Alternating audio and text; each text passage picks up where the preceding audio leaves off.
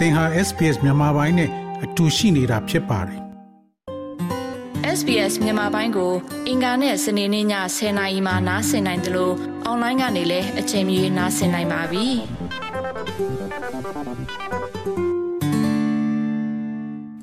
ကိုစောဝင်းမအခုကျွန်တော်တို့ Melbourne မြို့မှာ March လ6ရက်နေ့ကနေ10ရက်နေ့ထိအဒီအာဆီယံနဲ့ Australia နဲ့သူတို့ ဟို partnership 250ပြည့်တာနဲ့ပတ်သက်ပြီးတော့ညီလာခံတစ်ခုလုပ်မယ်လို့သိရပါတယ်။အဲညီလာခံမှာဒီမြန်မာစစ်ကောင်စီကိုလည်းဖိတ်ခေါ်ထားတယ်လို့သိရပါတယ်။အဲ့ရဟုတ်ပါလား။မင်္ဂလာပါကိုတယ်ရီကျွန်တော်ဟိုပထမဆုံးပေါ့နော်။မဖြေခင်ကျွန်တော်ပြောဖို့လိုအပ်တာကတော့ကျွန်တော်ဒီနေ့အာပြောသွားမှာတွေကမတ်လ2ရက်နေ့မှာစုပေါင်းပြီးတော့ကျင်းပမယ်ဆန္ဒပြပွဲပေါ့နော်။ဗတိုရီးယားပါလီမန်ရှေ့မှာ ကျွန်တော်တို့နဲ့ဘဝတူတွေဖြစ်တဲ့အာဆီယံ၄နိုင်ငံကမ္ဘောဒီးယားလာအိုဗီယက်နမ်ဘာမာပေါ့နော်အဲ့ဒီအော်စီရောက်ပြည်သူတွေပေါ့နော်ပူပေါင်းမျိုးပြုလုပ်မဲ့ဆန္ဒပြပွဲကိုဥဆောင်စီစဉ်သူတွေတဲကတယောက်အနေနဲ့ပဲပြောကြားသွားမှာဖြစ်ပါတယ်ခင်ဗျာဒီဆန္ဒပြပွဲကိုကျွန်တော်တို့စုပေါင်းပြုလုပ်တဲ့အတွက်ပဲအဖွဲ့အစည်းကိုမှကျွန်တော်တို့ကိုစားပြုမထားပါဘူးခင်ဗျာနော်ကျွန်တော်ကိုတယ်ရီခုနမေးတဲ့မေးခွန်းကို ပြောရရင်တော့နော်အနှစ်90ပြည့်ပေါ့နော်အာ Australian ASEAN ဆက်ဆံမှု summit ပေါ့နော် ASEAN summit ကိုမဲဘုံမှာကျွန်တော်တို့သူပြုလုပ်ဖို့စီစဉ်ထားတယ်ခင်ဗျအဲ့ဒီမှာကျွန်တော်တို့ဒီမြန်မာစကားဆရဲ့ကိုယ်စားလှယ်ပေါ့နော်ကိုယ်စားလှယ်လည်းတက်အောင်မယ်ဆိုတဲ့သတင်းတွေသူတို့ကိုယ်စားလှယ်ကိုဖိတ်တယ်ဆိုတဲ့သတင်းတွေလည်းထွက်နေသလိုကျွန်တော်တို့စန့်ကျင်တဲ့ကျွန်တော်တို့ဒီဘက်ကအုပ်စုတွေကနေပြီးတော့ရဲ့ အာဩစတြေးလျ NGO တွေအကုန်လုံးကနေစပေါင်းပြီးတော့ကျွန်တော်တို့ဒီကန့်ကွက်ကြတာပေါ့နော်စကားဆောက်ကိုဖိတ်ဖို့မသိတော့ဘူးပါညာကန့်ကွက်တော့သူတို့ဒီကိုယ်စားလှယ်ပေါ့နော်ဝင်ကြီးအဆင့်ကိုယ်စားလှယ်တွေကိုတော့မဖိတ်ဘူးတာမန်အဆင့်လောက်နဲ့ပဲရောက်မယ်တက်ရောက်မယ်လို့တော့ကျွန်တော်တို့သတင်းတွေကြားရတယ်ခင်ဗျဒါပေမဲ့ကျွန်တော်တို့ဒီအာ recently ပေါ့နော်လောလောလတ်လတ်ကျွန်တော်တို့ပြုလုပ်သွားတယ်ဘယ်ဂျီယန်နိုင်ငံဘရာဆဲမှာပြုလုပ်သွားတယ် EU ASEAN အာနိုင်ငံခြားရေးဝန်ကြီးအဆင့် ASEAN meeting မှာလည်းကျွန်တော်တို့မြန်မာနိုင်ငံကအဖွဲ့ပေါင်း354ဘွဲ့ကနေပြီးတော့စာရေးပြီးတော့ကျွန်တော်တို့ကန့်ကွက်နေတဲ့ဂျားကနေပြီးတော့ပဲသူတို့ကဒီစကားဆရဲ့ကိုယ်စားလှယ်ကျွန်တော်တက်ရောက်ခွင့်သူတို့ပေးလိုက်တယ်ဒါပေမဲ့ဒီကိုယ်စားလှယ်ကလည်းဒီဘယ်ဂျီယန်နိုင်ငံရဲ့နိုင်ငံဆိုင်ရာမြန်မာတာမတ်ကြီးပေါ့နော်ဦးစိုးလင်းဟန်တက်ရောက်သွားတယ်တဲ့ဒါပေမဲ့အစင်းမြင့် ကျွန်တော်တို့ဝင်ကြီးကိုယ်စားလှယ်တက်ရောက်တာတော့မတွေ့ရဘူးပေါ့ခင်ဗျာအခုတော့အလားတူပဲအခုကျွန်တော်တို့အာမဲဘုံမှာလာကျင်းပမယ်ဆိုတော့ကျွန်တော်တို့ခမန်းတာကတော့အစင်းမြင့်ကျွန်တော်ဝင်ကြီးအဆင့်ပေါ့နော်သူတို့စကားဆက်ဝင်ကြီးအဆင့်တော့တက်ရောက်နိုင်မှာမရှိဘူးလက်ရှိကျွန်တော်တို့ဩစတြေးလျမြန်မာနိုင်ငံအများတိုင်အောင်ကင်ဘာမှာရှိတဲ့ယာယီတာယုံတာဝန်ခံနော်တော့ဆဆာမင်းတော်တို့ လောက်ဆင်းလောက်တော့တက်ရောက်မယ်ထိတ်ကြားလိမ့်မယ်လို့ကျွန်တော်တို့အဲ့လိုပဲခန့်မှန်းရတယ်ခင်ဗျဟုတ်ကဲ့ဩစတြေးလျအနေနဲ့မြန်မာစကားဆစစ်ကောင်စီကိုတရားဝင်အသိမှတ်ပြုထားတာမရှိတဲ့အတွက်ကြောင့်ဘာအတွက်ကြောင့်များသူတို့ကကျွန်တော်ပြောတာအစင်းမြင့်မဲ့ဖြစ်ဖြစ်အစင်းနှိမ့်မဲ့ဖြစ်ဖြစ်ဒီမြန်မာစကားဆကိုယ်စတဲ့တယောက်လာတက်ရောက်တယ်ဆိုတာကဒါသူတို့ကို နေရာပေးတာသူတို့အသိမှတ်ပြုသလိုဖြစ်မနေဘူးလား ဟုတ်တယ်ဒါအမှန်ပဲကိုတယ်ရီဒီကိစ္စတွေအဲ့လိုတွေဖြစ်တယ်ဒီစကားဆကိုယ်စားလှယ်တွေကိုသူတို့ကအခုလက်ရှိအခြေအနေမှာတော့သူဒီဩစတြေးလျဆွတ်တဲ့ကျွန်တော်တို့ဩစတြေးလျတမ်မတ်ပေါ့နော်မြန်မာပြည်ရန်ကုန်မှာတွားတဲ့တမ်မတ်ကိုလည်းသူကတဆင့်နှိပ်အဆင့်နှိပ်ချပြီးတော့ပဲအာ2022ခုနှစ်ကစပြီးတော့အဆင့်နှိပ်တန်တမန်ကိုအဆင့်နှိပ်ပြီးတော့ပဲထားရတယ်တကယ်တမ်မတ်ကြီးတွေသူတို့မလွတ်တော့ဘူး ဒါပေမဲ့လည်းဒီစကားဆကိုအစိုးရတရက်ကဲ့သို့ပေါ့နော်ထိတွေ့ဆက်ဆံတဲ့အခါမှာမြန်မာပြည်သူတွေအတွက်ကတော့တိတာထင်ရှားတဲ့ထိခိုက်နစ်နာမှုတွေ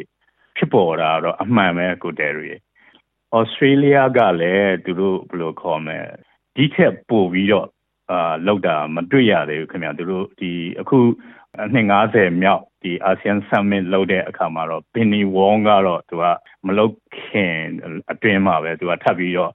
announcement ပေါ့နော်ထပ်ပြီးတော့ကြေညာတယ် Australia နိုင်ငံသားရေးဝန်ကြီးအာ Penny Wong ကတော့သူ father sanction ပေါ့နော် against military အဲ့ဒါတွေကိုသူတို့ဆက်လုပ်မယ်ဆိုရအောင်တော့အဲ့ဒါကိုတော့ကြည်ညာတယ်ဒါပေမဲ့လည်းခုနကိုတယ်ရီပြောသလိုဒီအဆင့်နေပေါ့နော်စကားစားရဲ့ကိုယ်စလဲတွေကိုတော့ သူတို့ကဆက်လက်ပြီးတော့ဖိတ်ကြားဆက်ဆံနေတယ်အဲ့လိုမျိုးတွေလှုပ်လာတယ်ပေါ့နော်ဒီတရားအတွက်လည်းကျွန်တော်တို့တွေတကွာလုံးမှာရှိတဲ့ကျွန်တော်ပြပရောက်မြန်မာတွေကိုပြည်တွင်းကရှိတဲ့ခုနကကျွန်တော်မန်ရှင်းလုပ်ခဲ့တဲ့အဖွဲ့ပေါင်း354ဘွဲကလည်းဒီလိုမျိုးဒီ EU ASEAN meeting တွေဖြစ်ဖြစ်ဒီ Aussie မှာကျင်းပမယ့်ဟာတွေကိုကျွန်တော်တို့ကစကားဆောက်ကိုဖိတ်ကြားနေတာအစင်းနိုင်ပဲဖြစ်ဖြစ်မြင့်မြင့်ပဲဖြစ်ဖြစ်ဆက်ဆံနေတာကမြန်မာပြည်သူတွေအတွက် တည်တာထင်ရှားတဲ့ထိခိုက်နစ်နာမှုတွေစတိုက်ဖြစ်ပေါ်နေတယ်ဒီအာဆီယံအနေနဲ့ကလည်းသူ5 point consensus နဲ့အာလုံနေတာ3နှစ်ကျော်ပြီပေါ့နော်ကျွန်တော်တို့ဘာမှထိရောက်တဲ့အာဖြစ်ရှင်းမှုတွေအခုထိမလုံနိုင်သေးဘူးပေါ့ခင်ဗျာအဲဒီအခုဟိုဟာအာဆီယံရဲ့အလှည့်ကျဥက္ကဋ္ဌတွေဘရူနိုင်းကမ်ဘောဒီးယားအင်ဒိုနီးရှားပေါ့နော် အဲ့လိုလားအဆင့်ဆင့်ပြောင်းသွားတယ်အခုလက်ရှိအခြေအနေကတော့လာအိုပေါ့နော်လာအိုကတော့ပို့ပြီးတော့ထိရောက်တဲ့ဟာတွေဖြစ်လာနိုင်မှုအလားအလာပို့ပြီးတော့နည်းသွားတယ်သူကလာအိုကစကားစနဲ့ပို့ပြီးတော့အာဆက်ဆံရေးကောင်းသလိုကျွန်တော်တရုတ်နဲ့တရုတ်ရဲ့သဘောထားတွေကိုသူကဟိုလက်ခံပြီးတော့သဘောတူညီတဲ့အတွက်အာအာဆီယံအနေနဲ့လက်ရှိချင်းကပ်နေတာတွေကလောက်ကင်ဆောင်ရွက်နေတာတွေကအရန်ကိုပျော်ပြောင်းပြီးတော့စစ်ကောင်စီကိုပဲ အားပေးအားမြောက်အတိမတ်ပြုဖို့လက်တွဲခေါ်နေရပဲရောက်တယ်ခင်ဗျဟုတ်ကဲ့ကျွန်တော်ပြောချင်တာဒီအာဆီယံကိုအဖွဲ့ဝင်ဒီအစိုးရတွေကိုကျွန်တော်တို့ကမဲပေးနေတဲ့လူတွေမဟုတ်ဘူးဒီ Australia ကအခုလောလောဆယ် Labor အစိုးရကိုကျွန်တော်တို့မြန်မာ community တွေကလူတွေကမဲပေးတယ်အကောက်ခွန်တွေပေးတယ်အားလုံးပေးနေတဲ့ဥစ္စာကိုကျွန်တော်တို့ရဲ့ခံစားချက်အထူးသဖြင့် ဩစတြေးလျအစိုးရလည်းသိတယ်မြန်မာပြည်မှာစကားစားရွာတွေကိုဘုံကျဲတယ်မီးရှို့တယ်လူတွေကိုတတ်တယ်ဒါတွေကိုသိရသားနဲ့ဒါမျိုးသူတို့အစင်းနေနေမဲ့ဖြစ်ဖြစ်အစင်းမြင်မြင်မဲ့ဖြစ်ဖြစ်လက်ခံနေဆိုတာကကျွန်တော်တို့ဩစတြေးလျမှာရှိတဲ့မြန်မာတွေကိုစော်ကားရနဲ့တူတူပဲလေအဲ့တော့ဒီမြန်မာရှိတဲ့မြန်မာတွေအနေနဲ့ဩစတြေးလျအစိုးရတွေဒီပါလီမန်အမတ်တွေကိုဘာတွေများ ပြောပြီးတော့ဘာတွေများဒါနဲ့ပတ်သက်ပြီးလုပ်ဖို့ရှိပါလဲအာဟုတ်တယ်ကိုတယ်ရီဒီဩစတြေးလျကတော့ကျွန်တော်တို့သူကတော့ဟိုပွင့်လင်းကျွန်တော်ပြောရရင်တော့သူဩစတြေးလျရဲ့အကျိုးစီးပွားကိုပဲအာအဓိကထားပြီးတော့သူကဆက်ဆံတာပေါ့နော်ဒီမှာသူကတော့ဒီအစပိုင်းနေမှာတော့အစင်းနိုင်ကိုယ်စားလှယ်တွေချထားတယ်ဆန်ရှင်လေးတွေကြိုကြားကြိုကြားကျွန်တော်ဒီစေအုပ်စုကိုလှုပ်ပေးတယ်ဒီအဆင့်ထက် ဟိုတိတ်ပို့လာတော့မတွေ့ရဘူးခင်ဗျာနော်အဲ့လိုဖြစ်လာတော့ကျွန်တော်တို့ဒီပြည်ပရောက်ကျွန်တော်တို့ဩစတြေးလျမှာရှိနေတဲ့တက်ကြလှုပ်ရှားသူတွေ community တွေကိုစော်ကားယုံတယ်မကဘူးပေါ့နော်ကျွန်တော်တို့မြန်မာပြည်သူတွေကပို့ပို့ပြီးတော့နော်မြန်မာပြည်သူတွေကအဓိကပေါ့နော်သူကထိထိရောက်လက်တွေ့ကြကြစကားဆောက်ထင်သာမြင်သာရှိအောင်ကင်တွယ်မှုတွေလှုပ်ဆောင်မှုတွေ ဘာမှမလုံးနိုင်တဲ့အတွက်သူကဟိုဘယ်လိုခေါ်မလဲစကားစကားသူအတွက် threatening မဖြစ်ဘူးဘာမှ view site ဆရာမလိုဘူးဒီလောက်ကတော့ okay တယ်ဆိုပြီးတော့ဟိုမြန်မာပြည်သူတွေကိုရရဆက်ဆက်ဖမ်းဆီးတပ်ဖြတ်ညှင်းဆဲပေါ့နော်ရွာလုံးကျုပ်မျိုးလုံးကျုပ်အိမ်အာထောင်တောင်းချီပြီးတော့လက်ပတ်မီးရှို့ချမ်းဖက်လောက်ရတဲ့ကိုအာပေါ်ပေါ်ထင်ထင်အာယူမဆိုင်ပဲဆက်လက်ပြီးလှုပ်ဆောင်နေတယ်ပေါ့နော် အဲ့အတွက်ကြောင့်ဒီကကျွန်တော်တို့ Australian မြန်မာ community ဒီကိုစော်ကားယုံနေမကပဲနဲ့ဒီအပြစ်မဲ့မြန်မာပြည်သူတွေကိုဘာမှကျွန်တော်တို့ထိရောက်တဲ့အကူအညီမှုတွေမရှိဘူးခင်ဗျမရှိတော့ကျွန်တော်တို့ကဒီ meeting ပေါ့နော်အခုအနှစ်90မြောက် Australia ASEAN Summit မှာကျွန်တော်တို့ကဒါကြောင့်ကျွန်တော်တို့တွေကဆန္ဒ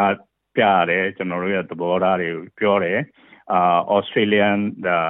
အာပါလီမန်အမတ်တွေဩစတြေးလျအစိုးရတွေကိုကျွန်တော်တို့ကဒီဆန္ဒပြလို့တမျိုးပေါ့နော် diplomatic နဲ့တဖုံပေါ့ကျွန်တော်တို့တောင်းဆိုတာတွေရှိတယ်တင်ပြနေတာတွေရှိတယ်အဲ့ဒါတွေတော့စက်တိုက်ကျွန်တော်တို့ဘက်ကတော့ဟိုကြိုးစားပြီးလှုပ်ဆောင်သွားမှာဖြစ်ပါတယ်ခင်ဗျဟုတ်ကဲ့တော့ကျွန်တော်တို့ဩစတြေးလျမှာရှိတဲ့မြန်မာအဖွဲ့အစည်းတွေဒီမြန်မာလူမျိုးစုတွေကဒီဩစတြေးလျအစိုးရတို့ဒီပါလီမန်အမတ်တွေစီကို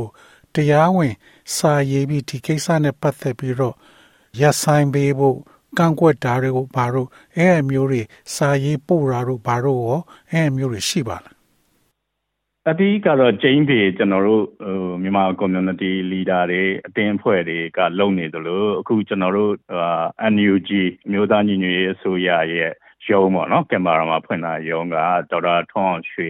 ဦးစီးပြီးတော့စနစ်တကျရုံးဖွင့်ပြီးတော့ကိုဒီဩစတြေးလျအစိုးရနဲ့ကော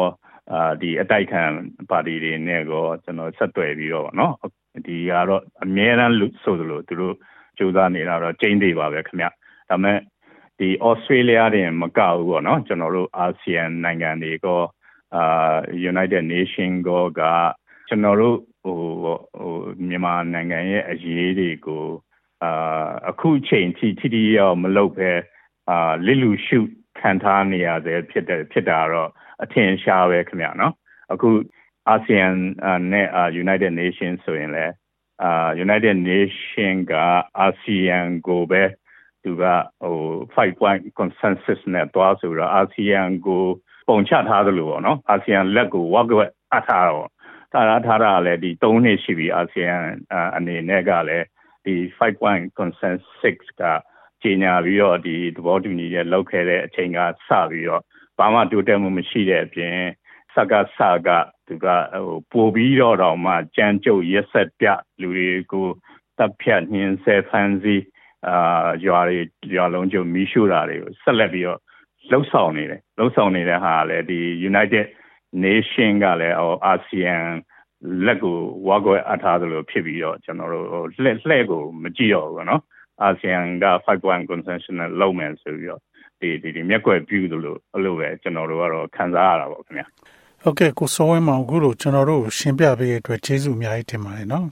ဟုတ်ကဲ့ဟုတ်ကဲ့ကိုတဲ့ SBS မြန်မာပိုင်းကို အင်ကာနဲ့စနေနေ့ည10:00နာရီမှနားဆင်နိုင်ပါတယ်။နားဆင်နိုင်တဲ့နည်းလမ်းအများကြီးရှိပါတယ်။ Radio Digital TV online ဒါမှမဟုတ် SBS Radio App ကနေတဆင့်နားဆင်နိုင်ပါတယ်။ SBS မြန်မာပိုင်းအစီအစဉ်ဖြစ်ပါတယ်ရှင်။